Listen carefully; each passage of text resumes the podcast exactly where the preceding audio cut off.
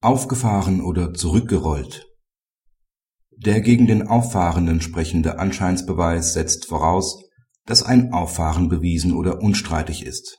Bei einer ungeklärten Unfallsituation beträgt die Haftungsquote jeweils 50 Prozent. Zwischen dem Fahrzeug der Klägerin und dem des Beklagten kam es zu einem Verkehrsunfall. Unstreitig standen an der Unfallstelle beide Fahrzeuge Stoßstange an Stoßstange. Streitig war, ob nun das Fahrzeug des Beklagten zurückgesetzt, so die Klägerin, oder ob diese auf das Fahrzeug des Beklagten aufgefahren ist, so der Beklagte. Neben dem Fahrzeugschaden begehrte die Klägerin Schmerzensgeld für eine behauptete HWS-Verletzung sowie Ersatz eines Haushaltsführungsschadens. Der in der ersten Instanz beauftragte technische Sachverständige hielt beide Unfallschilderungen für möglich. Das Landgericht hat die Klage daher abgewiesen die Berufung hatte nur zu einem geringen Teil Erfolg. Auch die vor dem OLG durch Zeugenvernehmung durchgeführte Beweisaufnahme führte nicht zu einer Überzeugungsbildung des Senats für eine der beiden Unfallversionen. Bei dieser ungeklärten Unfallsituation beträgt die Haftungsquote je 50 Prozent.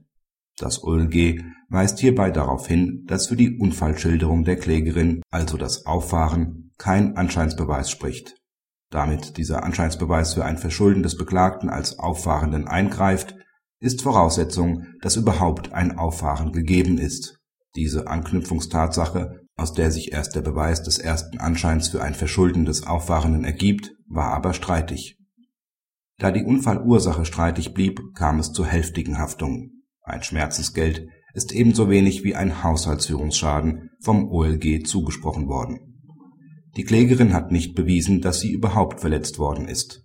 Nach dem technischen Gutachten betrug die Geschwindigkeitsänderung maximal 6 kmh bei frontalem Anstoß. Dies reicht für eine Verletzung in der Regel nicht aus.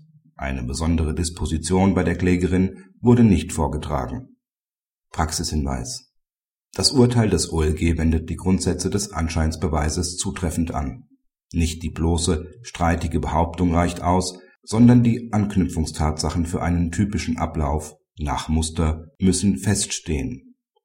Erst daran knüpft sich der Anscheinsbeweis an.